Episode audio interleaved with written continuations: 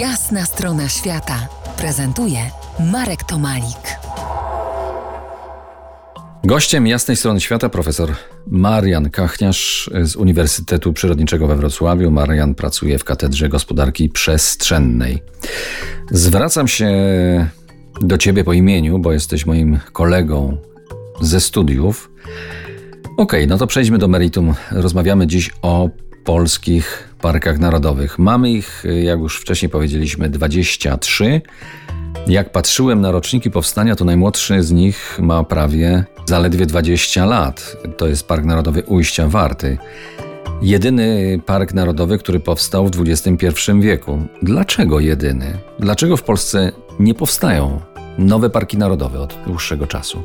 Tak jak powiedzieliśmy, e, mamy obszary, które mogłyby być objęte ochroną e, parków narodowych. Czyli na pewno nie jest to ta przyczyna, że nie powstają nowe parki, no to należy sobie zadać pytanie, że skoro mamy takie obszary, to co dzieje się, że faktycznie ten proces powstawania e, czy poszerzania parków narodowych został praktycznie wstrzymany. No i tutaj e, wskazuje się na dwie przyczyny powszechnie. Pierwsza przyczyna to zmiana prawodawstwa, która zapewniła samorządom lokalnym prawo uzgadniania takich projektów nowych parków narodowych, że utworzenie parku narodowego E, powoduje zmniejszenie dochodów e, samorządów lokalnych, przynajmniej w takim wymiarze bezpośrednim. Oczywiście części dochodów własnych samorządu terytorialnego. To jest, to jest jedna rzecz. Druga rzecz,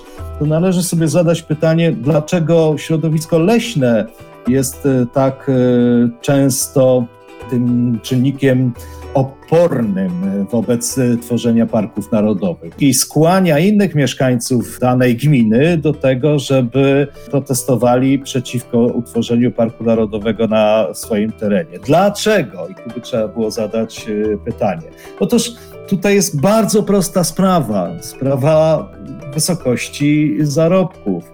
Jeżeli ten leśniczy przejdzie z jurystyk spod jurysdykcji lasów państwowych pod jurysdykcję Parku Narodowego, będzie dalej z grubsza rzecz biorąc robił to, co robił dotychczas w systemie lasów państwowych, a będzie zarabiał niejednokrotnie trzykrotnie mniej niż do tej pory, no to trudno mu się dziwić, że się obawia takiego obrotu sprawy. Prawda jest prozaiczna. Zarobki w parkach narodowych są co najmniej o połowę niższe niż zarobki w lasach państwowych.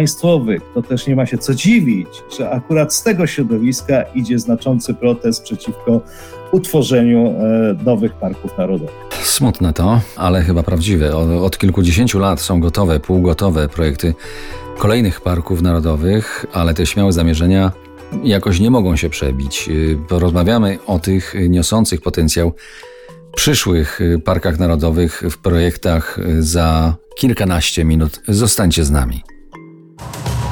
To jest jasna strona świata w RMS Classic.